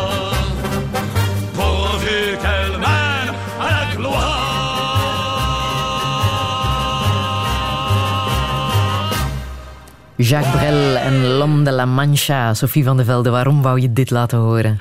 Oh, ja, Ehm, ja, Ja- Jacques Brel, ja, dat is fantastisch natuurlijk. Ik ben daar altijd mee grootgebracht. En ik heb eh, deze opera ooit gezien, gespeeld door Ramses Shaffi in eh, de opera in Antwerpen. Eh, niet dat het zo fantastisch was, want eigenlijk was Ramses Shaffi behoorlijk dronken toen hij dat speelde. Ehm, maar toen ben ik eigenlijk al die video's terug gaan zien van ehm L'Homme de la Mancha. Gespeeld door eh, Jacques Brel. Ja, dat is fantastisch. Dat, is echt, dat, is, dat zijn twee dingen die samenkomen. Het verhaal van het, het vechten tegen windmolens. ehm, de heroïsche daden, die ook naïef zijn en eigenlijk eh, surrealistisch bijna zijn. En dat dan gespeeld door Ja- ehm, Jacques Brel. Ja, dat is een combinatie die ongelooflijk is. Ja. Wat denk jij bij vechten tegen windmolens? Goh, ik, eh, ik zeg altijd, mijn grootste kapitaal is energie. Ehm, dat is echt energie. En ik denk dat het belangrijk is om, om na te denken van waar zet je je kapitaal in natuurlijk. En als je vecht tegen windmolens, dan weet je dat je dat niet gaat winnen. Maar dat wil niet zeggen dat we niet heroïscher kunnen zijn. En ehm, dat denk ik dat, ja, dat, dat als ik bijvoorbeeld ehm, meer dan twintig jaar geleden in de sociale sector ging, dat waren ook de momenten dat wij op straat kwamen, dat wij gingen betogen, dat wij verandering wilden. Verandering in het leven, verandering in zoveel dingen. En ik heb soms het gevoel dat, dat, ja, dat er nu een grotere gelatenheid is of zo. Uh, ook een saturatie van het te veel aan, aan informatie misschien. Mhm. En uh, ja, soms mis ik dat wel. En ik probeer wel op een, opnieuw vanuit het, het denken van energie is heel belangrijk, te zien van waar kan ik het verschil maken. Ehm, dus ja. Ja, wanneer zouden we nu, anno 2017, wat meer op straat mogen komen? Waar loopt het echt mis? Goh, er zijn heel, heel veel dingen, denk ik. Ehm, bijvoorbeeld ehm, eh, het voorbeeld dat je nu net zei, ook eh, ehm, rond heel veel aan, aanslagen, de, het, fundamentalistisch denken, eh, bijvoorbeeld. Dat lijkt een beetje vechten tegen windmolens. Ja, ik vind, het, ik vind, om eerlijk te zijn, ik heb heel lang uh, met heel ongelooflijk gemotiveerde mensen rond integratie gewerkt. Maar ik denk dat we daar echt heel veel kansen hebben laten liggen, om eerlijk te zijn. Moet inderdaad even terug naar begin deze week. Mm -hmm. De aanslag in Manchester na het concert van Ariana Grande. Mm -hmm. Dit zat toen in het nieuws. In elk geval werd de aanslag kort na de middag al opgeëist door terreurgroep IS. En vanmiddag werd hier in het zuiden van de stad ook een man opgepakt. En daarna waren er ook nog op twee verschillende plaatsen huiszoekingen. 22 slachtoffers zijn er dus gevallen hier. En stilletjes aan raakt ook een en ander bekend over die slachtoffers. Zo is er een meisje van 8 bij, een jonge dame van 18 en een man van 27. Je hoort het, heel veel jonge mensen. Ariana Grande is dan ook een tieneridool en dat laat zich ook zien in de slachtoffers. Touché. Haar concert vanavond in het Sportpaleis is uh, ondertussen afgelast, mm -hmm. maar ze zou wel een soort uh, benefiet uh, mm -hmm. spelen. Um, ja, hoe is dit nieuws bij, bij jou en bij jouw tienerzonen, tienerkinderen binnengekomen? Het is constant een, um, een afwegen van uh, hoe deel je dit nieuws -huh. en hoe um, ga je ermee om, waardoor ze ook iets mee kunnen. Want het is niet uh, interessant om alle uh, gore details elke keer te bespreken. Um, maar ik denk, um, wat we wel kunnen doen, dat is alleen in onze persoonlijke omgeving daar anders mee omgaan. Als ik net zei dat er um, heel wat gemiste kansen waren in het verleden, dan denk ik bijvoorbeeld, als ik terug reflecteer naar mijn eigen hulpverleningstraject, bijvoorbeeld een voorwaarde voor integratie is um, toch wel dat er een soort betrokkenheid is, een betrokkenheid op het maatschappelijk denken, dat is één. Um, maar integratie, bijvoorbeeld iets heel bazaal misschien, is taal taal is heel belangrijk om uh, te kunnen integreren. Als ik op vakantie ga, is dat een eerste voorwaarde om te kunnen communiceren. En dat is iets dat heel lang niet als voorwaarde is gesteld. Um, waardoor um, het veel eenvoudiger is, denk ik, om naast elkaar te blijven uh, leven. Um, dus ik denk daar, ik hoop dat ik mijn kinderen, of dat wij onze kinderen zo opvoeden, waardoor ze een betrokkenheid hebben naar uh, anderen, ook naar andersdenkenden, naar andere culturen. En wij proberen daar, wij lezen elke dag uh, twee kranten gedurende de week en in het weekend uh, nog enkele meer.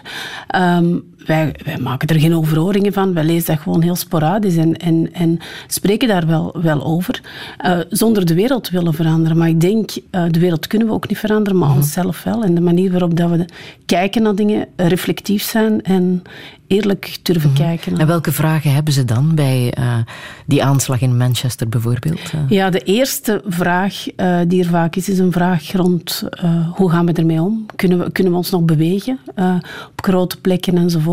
Dat is hun grootste zorg. Dat is hun grootste zorg. Nu, ik denk dat angst um, altijd een slechte motivator is. Mm -hmm. Ik ga, probeer nooit keuzes uit angst te maken. Ik probeer hen dat ook mee te geven. Dat een keuze uit angst altijd de verkeerde is. Maar dat wil niet zeggen dat je niet realistisch kunt zijn. En dat opnieuw, het, het klinkt heel, ja, misschien wollig zelfs, maar het begint in onze eigen omgeving. Wij wonen in een Joodse wijk, bijvoorbeeld, waar heel weinig met elkaar gesproken wordt. En waar ook nog altijd veel militairen en waar heel veel militairen zijn. Mm. Um, maar wij proberen zoveel mogelijk in dialoog te gaan en te zien uh, hoe is dat en, en wie zijn die mensen. Dat is moeizaam. Ik vind dat heel moeizaam. Ja, dat is... Uh, um, maar goed, ik blijf dat proberen. Dat, ik denk dat we daar... Uh, ik denk dat, dat dat de wereld is waarin ik wil leven. Ja. Um, maar um, ja, ik denk ook vooral dat... dat je vereenzaamt. En dan denk ik, als ik denk aan fundamentalisme, dat is een soort een vervaging, een kokerdenken van de werkelijkheid, uh, denk ik dan. Uh, waar je je eigen invloed ten aanzien van een omgeving niet meer ziet, ook niet meer voelt. Uh, vandaar, en dan ben ik terug bij het begin van het verhaal, is het zo belangrijk om verankerd te zijn. Verankerd in netwerken, verankerd in families, ver, verankerd in mantelzorg. Um, dat je een soort arbeidsethiek hebt, dat je een soort passie hebt, hoe klein ook, of hoe, hoe klein... Uh, ja, hoe banaal misschien ook. Maar dat is belangrijk voor jezelf in de eerste plaats, maar ook voor de maatschappij. En toen jij werkte met die kansarme jongeren, jongeren mm. uit probleemgezinnen, merkte je daar een constante wat zij echt misten en waar het, waar het fout liep? Um, zeker. En um, toen ik die cel opstartte, uh, samen met mijn collega Centraal Meldpunt, um, kregen wij dus die dossiers op, onze, op ons tafel. Of werd er over die jongeren gesproken van die heeft die feiten gedaan en die heeft dat gedaan. En uh, die is daar buiten gegooid enzovoort. En één vraag die ik stelde was, wat gaat er wel goed? En toen zei ze, nee, nee, u hebt ons niet gehoord die jongeren, dat is een en al probleem. Ik zeg, maar wat gaat er wel goed? En ik geloof dat goed gedrag uitbreiden makkelijker is dan slecht gedrag afleren. En ik denk dat dat heel vaak uh, is wat jongeren op een gegeven moment in alle al hun onhandigheid. Ze maken keuzes enzovoort, maar ze vergeten nog waar ze wel goed in zijn. Ik denk dat vergroten, uh, um, dat dat heel veel mogelijkheden geeft. Net ook in die leeftijdscategorie, ja. tiener, uh, jonge ja. twintigers. Uh, de jongen die nu de aanslag heeft gepleegd mm. in Manchester was 22. Mm. Dat is ook het moment waarop, waarop je keuzes maakt en heel snel keuzes maakt en soms ook mm. de verkeerde keuzes maakt. Ja, dat klopt. Mhm. Kon je daar iets aan doen? Merkte je als je zei, uh, ik ga mij focussen op waar zijn die jongeren uh, goed in, gingen ze daar ook snel in mee om hun eigen kwaliteiten te zien? Ja, je ziet gewoon mensen groeien. Dat is echt super banaal, maar dat is, dat is je ziet mensen groeien. Want heel veel van die jongeren, zeker. En dan spreek ik opnieuw, we hebben lang gewerkt met jongeren die echt in gevangenis ook zaten enzovoort. Dus je, dat zijn jongeren die meermaals problemen hebben gesteld. Dat zijn geen jongeren die eens één keer tegen een lamp lopen die weten ondertussen van zichzelf wat ze vooral niet zijn. Maar wat ze wel zijn, dat vergeten ze gewoon. En je merkt door dat terug op te bouwen en dat te versterken, en opnieuw, dat is een zeer moeizaam en heel uh, moeilijk proces, want dat is vaak ook al heel erg misgroeid. Mm -hmm. uh, vandaar is het ook heel belangrijk om heel preventief te werken uh, met jongeren. Um, dat als je dat doet, dat, dat, dat er heel veel kansen in zitten om de eerste stappen naar verandering te geven. Wat zou je leraars adviseren die dat soort leerlingen in de klas hebben? Lastige, moeilijke, negativistische ingesteldheid hebben? Ja, net. Um, wat ik heb geleerd bijvoorbeeld, dat is dat jongeren niet um, moeilijk hebben met regels, maar wel de inconsequentie van regels. Hè. En met menselijkheid. Um, ik denk dat het belangrijk is, wat ik net ook zei, om te blijven aanspreken op niet alleen het negatieve, want dat is soms ja, heel irritant, dat weet ik ook. Um, maar aan de andere kant, ja, ook, ook vooral opnieuw de passie bij mensen te zoeken. En dan moet iedereen, die verantwoordelijkheid heeft ook iedereen naar zichzelf, maar niet iedereen heeft die tools om dat voor zichzelf te onderzoeken, denk ik. -hmm.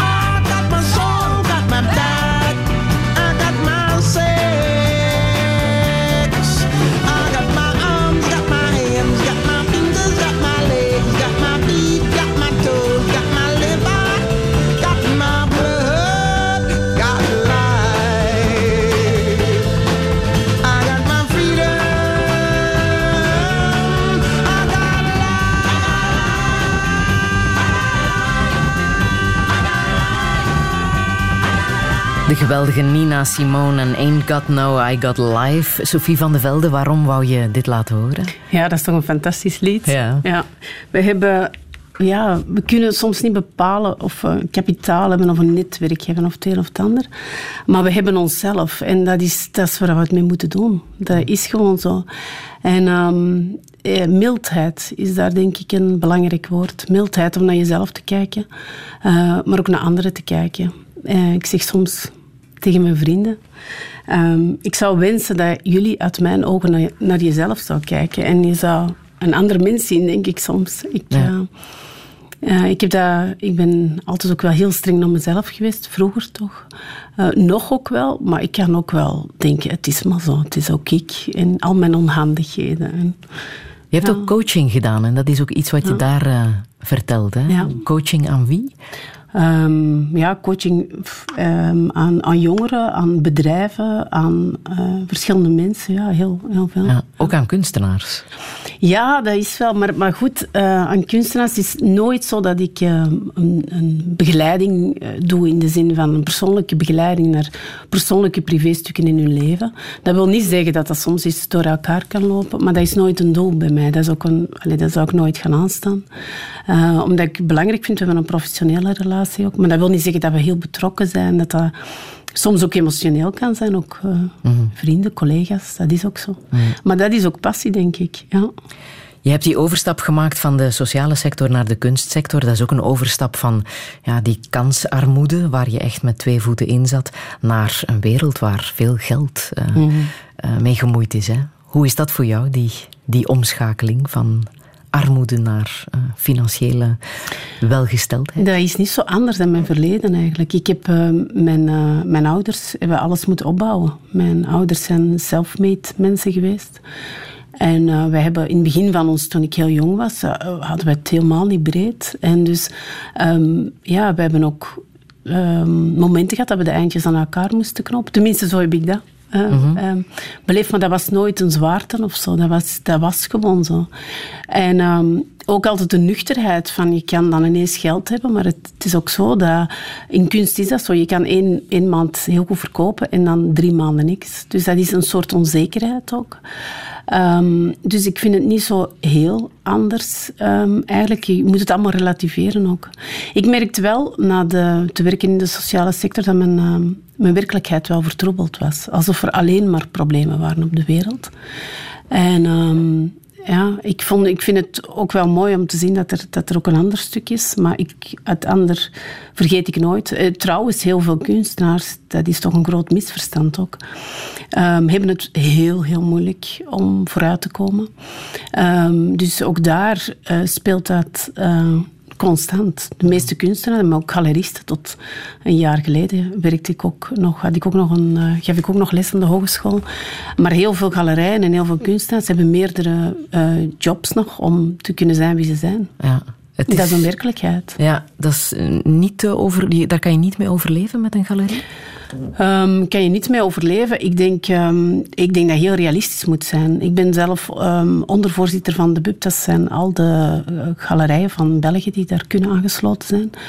En ehm, we beseffen dat het is een heel, heel moeilijke tijd. Alles kost heel veel geld. eh, en ehm, het is heel erg zoeken. En met de BUB proberen we daar ook aan tegemoet te komen en te zien van hoe kunnen we nieuwe galeristen ondersteunen door hen eh, te informeren van, van hoe kunnen bepaalde dingen anders doen enzovoort. Maar ehm, het, is een, het is een moeilijke wereld. Ja. Het is, eh, ik besef eigenlijk dat... Ik heb jaren in loon, loonsverband gewerkt. Ondertussen ehm, volgde ik de kunstsector wel eh, zeer goed. Eh, maar ik heb jaren in loonsverband gewerkt. En eigenlijk is dat een van een enorme luxe om, in een, om te weten op het einde van de maand heb ik een vast bedrag dat op mijn bankrekening staat. En dat, ja, die onzekerheid neem je erbij, maar er komt zoveel meer ja, op mijn pad dat het allemaal waard is. Beleggen in kunst is ook een kunst, hè? Doe jij dat zelf? Nee. Nee? Nee. Maar je koopt wel voor jezelf. Ja. Ik zeg altijd, eh, Ik ben zoals een kind in een bolletjeswinkel en ik zou ze allemaal opeten. maar eh, dat kan dus niet. Mijn boekhouder zei, Sofie, je bent niet goed bezig op dat gebied. Maar het is, het is passie. En uh, we hebben dat altijd gezien. Als je van iets houdt, dan, dan, ja, dan, dan werkt dat zo. Maar um, als, als belegging, nee. nee. Uh, ik voel ook wanneer mensen kopen vanuit een beleggingsdenken of meer vanuit een passie. En bijvoorbeeld een tijd geleden, uh, enkele weken geleden, was er iemand die echt had gehoord, met zijn oor koopt, en had gehoord dat dat wordt een kunstenaar die groot zal worden, ik wil dat kopen, absoluut. En die bleef twijfelen en vragen stellen. En ja, maar hoe gaat dat zeker stijgen? En ik zeg, ik wil dit werk niet meer aan jou verkopen. En um, hij schrok heel hard. En ik zei, ik denk niet dat het goed is voor jou, want ja, het is niet vanuit, vanuit een goesting. Je moet, als je kunst koopt, moet je s'morgens opstaan met kunst en zeggen: Oké, ik heb dat 1000 euro of 2000 euro betaald. Um, en dat maakt mij gelukkig. En als dat dan stijgt in waarde, dan is dat een mooi bijkomend gegeven. Maar als dat het enige is, ja, dan zit je er elke dag op te kijken. En dan... Wat maakt jou gelukkig? Oh, ik denk dat er al heel veel is gezegd. Gewoon um, gepassioneerde mensen. Mensen die op mijn pad komen waar ik uh, kruisbestuivingen mee heb. Mijn gezin, mijn familie. Um, ja, ik kan heel verwonderd in de, in de wereld staan. Gezondheid is erg belangrijk. Ik heb um, de laatste jaren bij in onze uh, familie heel veel mensen die jammer genoeg uh, ziek zijn geweest. Um, zonder daar echt op in te gaan. Maar ja, dat, dat, dat uh, weegt heel erg. Er is mm. geen moment dat ik er niet aan denk. Uh, maar dat zet mij wel in de verantwoordelijkheid om het beste van mijn leven te maken en om verstandige keuzes te maken. Mm. In alles wat op mijn pad komt. Mm. en te genieten. Jouw geluk ook delen met mensen uit je familie die minder uh, geluk hebben? Ja, proberen. We zijn een, jammer genoeg een heel kleine familie. En soms, ja, als er verschillende mensen ziek zijn, uh, is dat een beetje zoeken. Maar uh, ja. Voilà. Waarin geloof jij? Goh, ik ben uh, totaal um, atheïstisch opgevoed en ik geloof vooral in mezelf. Ik heb een groot geloof in mijn medemens. Ik heb een naïef geloof in de medemens. Dat wil concreet zeggen dat mijn filosofie is dat ik um, uh, uitga van het goede ten, tenzij het tegenovergestelde bewezen wordt. En dan ga ik ook wel snel weer wegstappen. Mm en, uh, want dan denk ik dat het niet goed is. Uh, en ik heb er nogal sterke antennes voor. Um, en ik geloof niet in een God. Ik geloof dat, um, dat we het geluk hier en nu moeten maken. En dat geeft me natuurlijk een grote verantwoordelijkheid. Want dat wil wel zeggen dat ik het zelf moet doen. Mm -hmm. En um, ik koop nooit een, zo een loodje of zo bij de loterij, omdat ik er niet geloof. Maar als ik me er dan toch eens toe, toe uh, laat verleiden dan, en ik krap en het is niks, dan zeg ik ook tegen de kassierster, ik denk dat ik mijn eigen geluk zal moeten maken. En dan kijkt ze naar mij en dan zie ik, het is oké.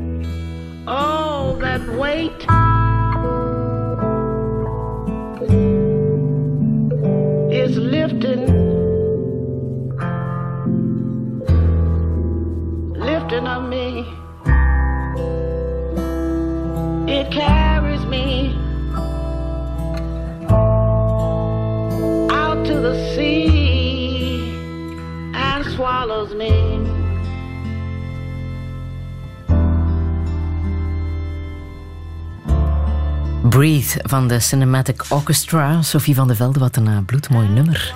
Ja, mooi hè. Hoe heb je het leren kennen? Uh, via een vriendin. Uh, of een, twee vriendinnen. We zijn um, samen naar Jazz Gent gegaan. En daar heb ik hen zes, zeven jaar geleden leren kennen. Ze komen trouwens um, naar Jazz Middelijn. Dus we gaan ons tickets kopen. maar ik vind het fantastisch. Is, uh, er zijn heel veel verschillende versies van dit uh, nummer. En uh, het zijn eigenlijk twee vrouwen die zingen. En ik vind het aan de ene kant wordt heel traag opgebouwd. En het heeft een apotheose. En ik vind het uh, sensueel vrouwelijk. Ja. Ik vind het fantastisch. Dit ja. is de muziek die jij mag draaien als jij DJ, DJ bent ten huize Brouwers van de Velde. Nou ja, nee. Ik ben niet zoveel DJ. Nee? ik heb niet zoveel zeggenschap over de, de muziek. Nee, Ja, dat is wel zo. Ja. Hoe gaat het eraan toe uh, bij jullie in het samengestelde gezin? Ja, wij zijn uh, sinds zeven jaar een opnieuw samengesteld gezin. En um, samen met mijn partner, uh, Steve Brouwers, die zelf voor televisie ook werkt en een druk, drukke baan wel heeft ook. Um, dus dat is heel spannend. Dat is een heel erg zoeken geweest. Dat is heel fijn. Dat is...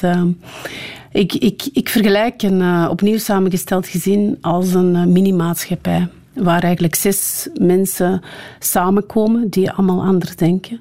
Die allemaal ook een andere achtergrond hebben. Want ze hebben ook een mama en een papa. En um, ja, dat is um, heel bijzonder. Het is heel erg zoeken. Um, Steve, mijn partner, die heeft nu ook een boek geschreven, die trouwens in september uitkomt. Um, en over samengestelde over gezinnen. samengestelde ja. gezinnen, ja. En heel het zoeken. En hij, um, hij heeft dit uh, boek geschreven op een, um, op een manier die heel positief en vrolijk is. In de zin, hij heeft ook twee uh, mensen die uh, strips maken, de afbeeldingen laten maken. En het is, een, het is een boek waarin we heel veel mensen onschuldigen, denk ik. Want we merken dat, uh, ik denk dat maar één op drie opnieuw samengestelde gezinnen samen blijft. Uh, opnieuw, omdat je heel veel factoren hebt die samenkomen, die niet altijd... Wat zijn de belangrijkste hindernissen die jullie bijvoorbeeld uh, hebben moeten um, Ik denk dat dat voor Steve anders is dan voor mezelf. Maar voor mezelf bijvoorbeeld is dat ik heel erg het verlangen lang heb gehad om dat kerngezin dat je wel had met mijn, mijn, mijn partner, met mijn, de van mijn kinderen, dat je dat terug probeert uh, te, te zoeken. En dat kan niet, want dat is niet. Dat is ook anders. Ik ben ook geen mama voor mijn pluskinderen. Dat heb ik ook nooit gewild. En die, dat had ik wel heel snel, heel helder. Um, waardoor het ook... Um, het is ook een heel fijne rol, want ik kan andere dingen toevoegen die, uh, die ik als moeder niet kan. Zoals? Bijvoorbeeld. Um, ik kan hun inspireren. Ik kan op andere manieren uh, kijken naar dingen, denk ik ook wel. De beslissingen bijvoorbeeld... Um, Um, van, van, mijn pluskinderen worden door um, Steve, mijn partner, en zijn ex genomen. Maar ik zelf kan wel reflecteren, ik kan wel mee nadenken enzovoort. En dat geeft mij een vrijere rol, denk ik ook wel. En vice versa ook. Ja. Ja. En worden daar ook grenzen in bepaald? Die zijn gaandeweg, hebben we die wel. Um, die, die, ja, dat was ook een heel zoeken. Ik heb, om eerlijk te zijn, ik vind het fantastisch. En we, we, hebben heel mooie... we maken heel veel mee, maar het is heel hard werken ook. Ja. Mm -hmm. En het, die grenzen die, die verschuiven ook altijd. Bovendien worden kinderen ook ouder, dus de behoeftes worden ook anders. Maar vergeet alle boeken. vergeet ja. ze allemaal, want het klopt niet. En ik denk de basis is dat de liefde groot genoeg moet zijn. De liefde voor elkaar, voor mijn partner. Mm -hmm. um, in eerste plaats, die... Uh, die ik toch als mijn baken ook zie en als uh, een, een, tegenovergestelde van mezelf. Mijn passionele temperamentvol, hij is meer rustig enzovoort. Um, dat is zeker de basis en al de rest groeit daaruit. En dat voelen kinderen ook. En, uh, ja. En nu een breuk meemaken is sowieso uh, mm -hmm. zeer heftig. Maar kan jij zeggen voor jezelf wat jij uh, eruit hebt geleerd door opnieuw te beginnen en nu een nieuw samengesteld uh, gezin te hebben? In hoeverre dat jij zelf veranderd bent? Ja, een, scheiden is een heel pijnlijk gegeven. Uh, los van wie het beslist of samen beslist, dat is zeer, zeer pijnlijk. Dat is een rouwproces. Um, voor iedereen, ook voor de kinderen. En dat is iets dat je heel erg moet beseffen, dat dat een rouwproces is. En um, kinderen willen altijd, allee, toch heel vaak, denk ik, in ons geval is dat zo bij uh, enkele van onze kinderen, willen graag hun ouders samen hebben. Zo simpel is dat. Mm -hmm. um, maar in alles wat ik dan doe, denk ik, oké, okay, het moet dan wel zin gehad hebben. Dus in een volgende fase wil ik het dan anders doen en anders aanpakken. En, um, en ja, dat is soms hard werken opnieuw, want er komen ook dingen op je pad die je, waar je niet hebt opgerekend en, en die je anders ziet. Um, maar globaal gezien, mom momenten van intens geluk zijn momenten als we samen ontbijten, zondag bijvoorbeeld. Um, praten over alles. En als we zeggen, nu gaan we na anderhalf uur of twee uur um, gaan we afruimen. Dat de kinderen zeggen, nee, nog niet, nog niet. Ja. En, en, en altijd komt er iets nieuws. En um, opnieuw, we zijn allemaal andere uh, persoonlijkheden. Uh, ik praat veel. Mijn kinderen praten veel. Steve zijn kinderen zijn stiller.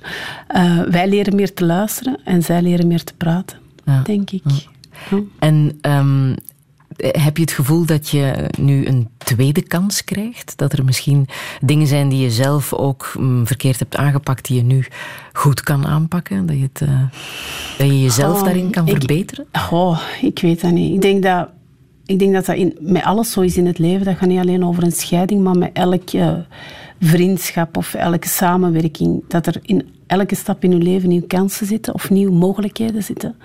En ik ben heel reflectief. Ik heb jaren bijvoorbeeld, onderdeel van mijn trainingen waren reflectie. De mate waarin dat je naar jezelf reflecteert en voelt van wat wil je, wie ben je en hoe kunnen we de volgende stap zetten. En ik denk dat dat iets is dat, dat we allemaal elke dag moeten doen.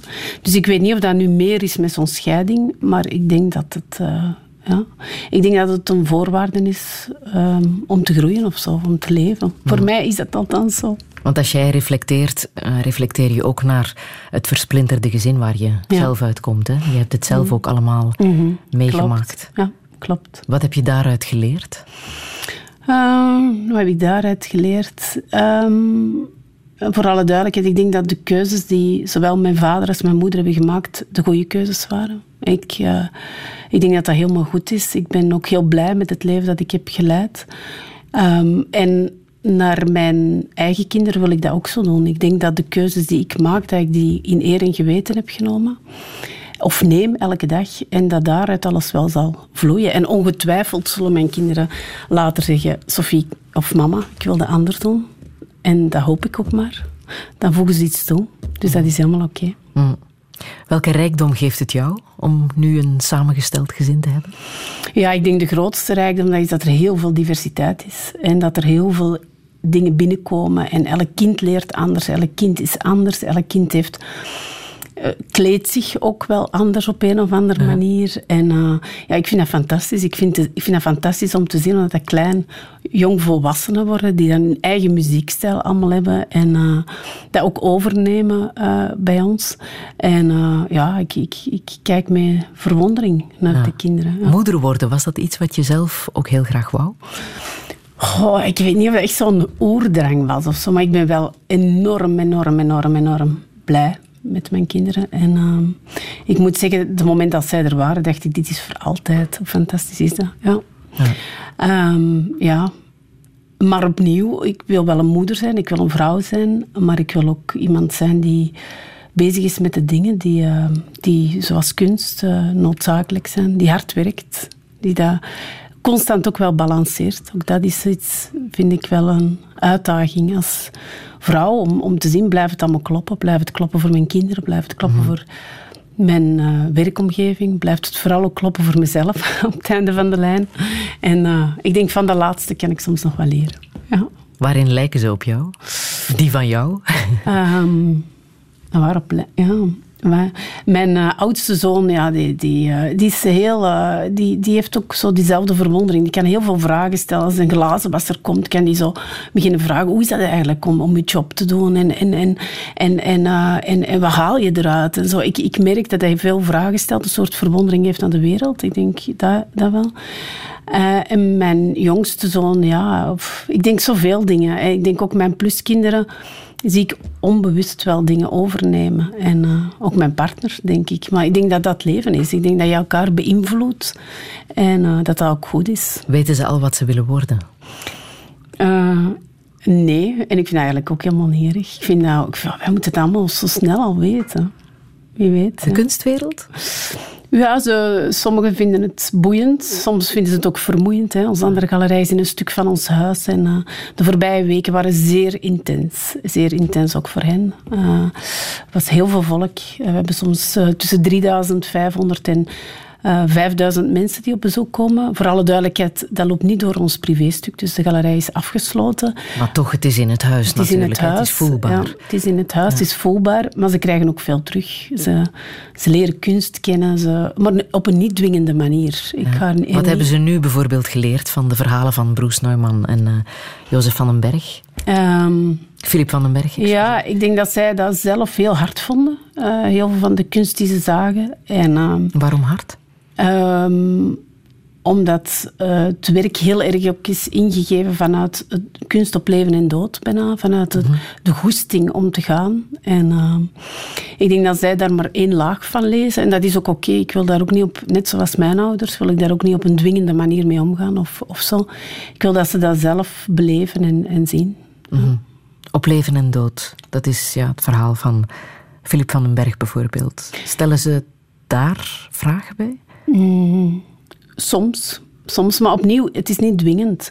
De, het is er altijd. Nu, op dit moment hebben wij een uh, heel groot object in onze stuk van onze tuin laten, uh, gezet. Voor Frederik Geurt, voor de volgende tentoonstelling. Ja. En dan vragen ze wel heel de tijd, moeten we er nu naar kijken? En, en wat wil die kunstenaar zeggen? En dan proberen we hen ook wel mee te geven van bekijk, het is van, van op de eerste verdieping, vanuit de tuin en, enzovoort. En we horen heel in de eerste instantie wat zij ervan denken. En voegen dan toe wat dat noodzakelijk is of zo. Maar opnieuw, we willen het niet door hun strot rammen. Uh -huh. Dat is... Uh, ja.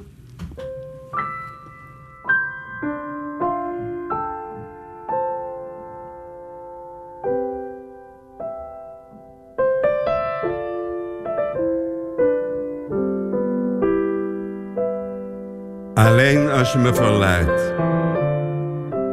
Nooit de contract. De belofte. Of soms door leugen. Alleen als je me verleidt. Zal ik bij je zijn. En je lief hebben. Als de liefste man op aarde. Alleen als je me verleidt zal ik bij zijn. Nooit door afspraken, toezeggingen, grepen of trouw. Zal ik me ooit aan iets houden. Alleen als je me verleidt, zal ik te vinden zijn. Twijfelend, trillend terughoudend, vechtend, lacherig, stil, met gesloten ogen.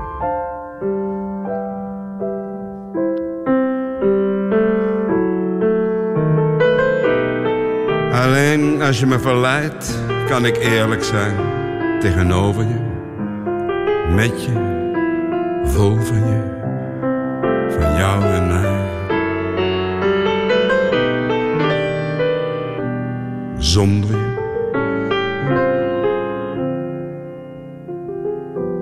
Alleen als je me verleidt, zal ik bij je zijn.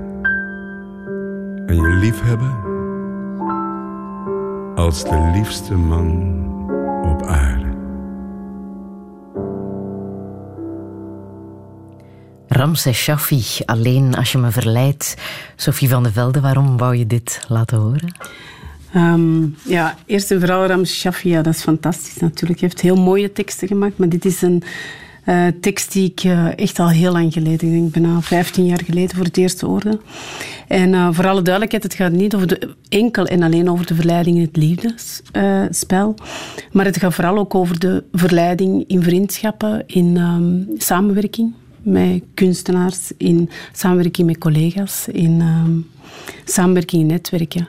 En ik denk de essentie is dat um, alleen als je me verleidt, zal ik te vinden zijn. Um, wil zeggen van als je intrinsiek gemotiveerd bent of goesting hebt om samen te werken of bij mensen te zijn, dan doe je dat van iets dat niet opgelegd is. En ik hoop heel erg, tenminste zo sta ik in het leven, dat de mensen waarmee ik samenwerk uh, er zijn omdat ze bij mij willen zijn of willen samenwerken samen naar een doel willen gaan. Eerder dan dat het opgelegd is door een of andere wet of een of andere regelmatigheid of zo. Mm -hmm. Zoals de twee kunstenaars die nu uh, bij jou gaan tentoonstellen, een duo tentoonstelling. Mm -hmm. Um, hoe lang ken je deze mensen al? Um, ik, ken, ik ken hen enkele jaren reeds. Um, we hebben nog niet echt concreet een nieuw um, een tentoonstelling gedaan. Dus dat is nu de eerste tentoonstelling. Maar het is altijd nog verkennen. Dat is ja. zeker en vast. We zeggen een bijzondere titel, hè? De, hoe is de titel precies? Zwischen Ja, zwischen benen. benen. Ja. ja. En als je wil weten wat dat wil zeggen, dan moet je, moet je komen. komen kijken. Ja. ja. Um, je bent de veertig voorbij, dat mag ik zeggen. Ja, geen ja. probleem. Wat zou je echt nog willen in het leven? Oh, ik ben eigenlijk um, niet ongelukkig of zo. Ik heb, uh, in tegendeel, ik ben zeer gelukkig. Um, ik heb jonge ouders altijd gehad. En um, ik vind het fantastisch om te zien hoe, uh, hoe zij altijd keuzes hebben gemaakt. Ik heb dat zelf ook. Ik heb niet zo moeilijk met mijn leeftijd of zo. Um, en ik heb een heel duidelijke horizon. En in mijn droom zou ik um, mijn galerij op zo'n manier willen uitbouwen, waardoor ik een, um, ja, misschien toch nog wel wat met wat meer mensen kan samenwerken, zeker en vast. Het internationaal netwerk ook nog veel kan vergroten, dat echt uh, meer verankerd nog is. En waar, waar ik toch wel een soort financieel meer comfort ook wel heb om de dingen te doen die ik uh, uh, wil doen. Want dat, dat is gewoon zo bij opstart. Is dat nog heel erg um, zoeken. En ik hoop daarbij, als ik dan denk aan mijn privéstuk, dat de mensen rondom mij uh, gezond blijven, of uh, toch zeker. En um, dat uh, mijn kinderen opgroeien als wereldburgers of burgers die op een verstandige manier in het leven staan. En af en toe met hun gezicht tegen de muur gaan, zoals ik zelf, nog elke dag. En daar ook weer nadien recht staan en weer zien hoe het verder kan of zo. Hoe zie jij jezelf oud worden? Um, ja, ik denk zoals ik nu ben, gepassioneerd. Um, dat vermindert niet met de jaren. Die verwondering um, vermindert ook niet. Uh, mijn speelsheid, om eerlijk te zijn, ook niet. Um, dus ja, nee, ik denk... het gaat niet over materiële wensen of zo. Het, is, het gaat meer over een, een soort balans zoeken rondom mij. En, uh, en het verschil wel blijven maken en kansen blijven zien in alles. Blijven fluctueren. De, de, galerij die ik nu heb uh, opgebouwd, of uh, de ruimte die we nu hebben opgebouwd met Plus One Gallery, uh, Jason en een hele team ook heel goed uitbouwen. Ons team zelf ook in beweging houden. Dat, ja. Als je um, zou moeten eindigen met één kunstwerk, zou jij kunnen zeggen van wie dat, dat mag zijn? Oh, vind ik moeilijk. Maar dan denk ik toch dat ik terug... Het is heel cliché misschien, maar dan denk ik toch dat ik terug naar Francis Alice Moving ja. Mountains, waarin hij op een gegeven moment een groep van mensen um, uitdaagt om een berg op een specifieke plek te verplaatsen naar een andere plek, namelijk die helemaal um, um, ja, uit te graven, zo gezegd, en te verplaatsen Geweldige video, andere. hè? Ja. ja. En ik denk Moving Mountains, ja, ik denk dat dat toch wel een metafoor blijft van wat ik uh, mijn leven wil blijven doen. Aha. Dat is toch wel ja te blijven zien en daarop in blijven spelen. Ja. Dat is belangrijk. En durven. En durven en doen. En mijn vader zou zeggen met de borst vooruit. Zonder, zonder, uh, uh, ja, zonder te veel erbij na te denken soms ook. Ja. Ja. Ben jij bang voor de, de dood? Eigenlijk niet. Nee. Nee, eigenlijk niet. Dat is heel vreemd, maar eigenlijk niet. Waar heeft dat mee te maken, denk je? Ik denk omdat ik... ehm, ja, je vroeg mij eh, een tijd geleden ook van, van... Zijn er dingen die je anders zou willen in je leven? Dat is eigenlijk niet. Dat is niet. Ik leef het leven dat ik wil. En ik denk, als ik nu sterf, liever niet voor alle duidelijkheid. maar goed, als het zo is, dan, dan, dan is het ook mooi geweest, denk ik. Welke boodschap wil je nog meegeven? Goh, het klinkt zo, klinkt zo moeder Teresa of zo, maar ik denk gewoon droom je dromen. Ik hoor heel vaak mensen zeggen waarom ze dingen niet willen doen. Ik denk, probeer altijd te denken waarom ik het wel wil doen. En daar zitten veel antwoorden in, dat is één. En ehm, ik denk als ik die vragen, ik stel die vragen natuurlijk zelf ook bij mij, ik ga dat niet doen daarom en daarom en daarom. En dan denk je, maar waarom niet? En ik merk dan vaak dat er weerstanden zitten enzovoort. Dus ik probeer mijn dromen te dromen. En eh, ik probeer daar ook mensen op aan te spreken om daarmee in te stappen. En eh, ik, ik wens heel veel mensen toe dat ze dat ook doen. We gaan nog luisteren naar eh, Stabat Mater van Pergolesi. Waarom wou je dit nog laten horen? Toen ik mijn partner, Steve en mezelf, ehm, en ehm, Nico, mijn beste vriend, zei van... goh, muziek, moet muziek kiezen. Die zei Stabat Mater, Sophie. Dat is uw lied dat jij ook altijd speelt. Op momenten dat ik moeilijke momenten heb, melancholisch ben, ehm triest ben. Ehm, als ik zie dat mensen rondom mij pijn lijden, dan zet ik dat lied op.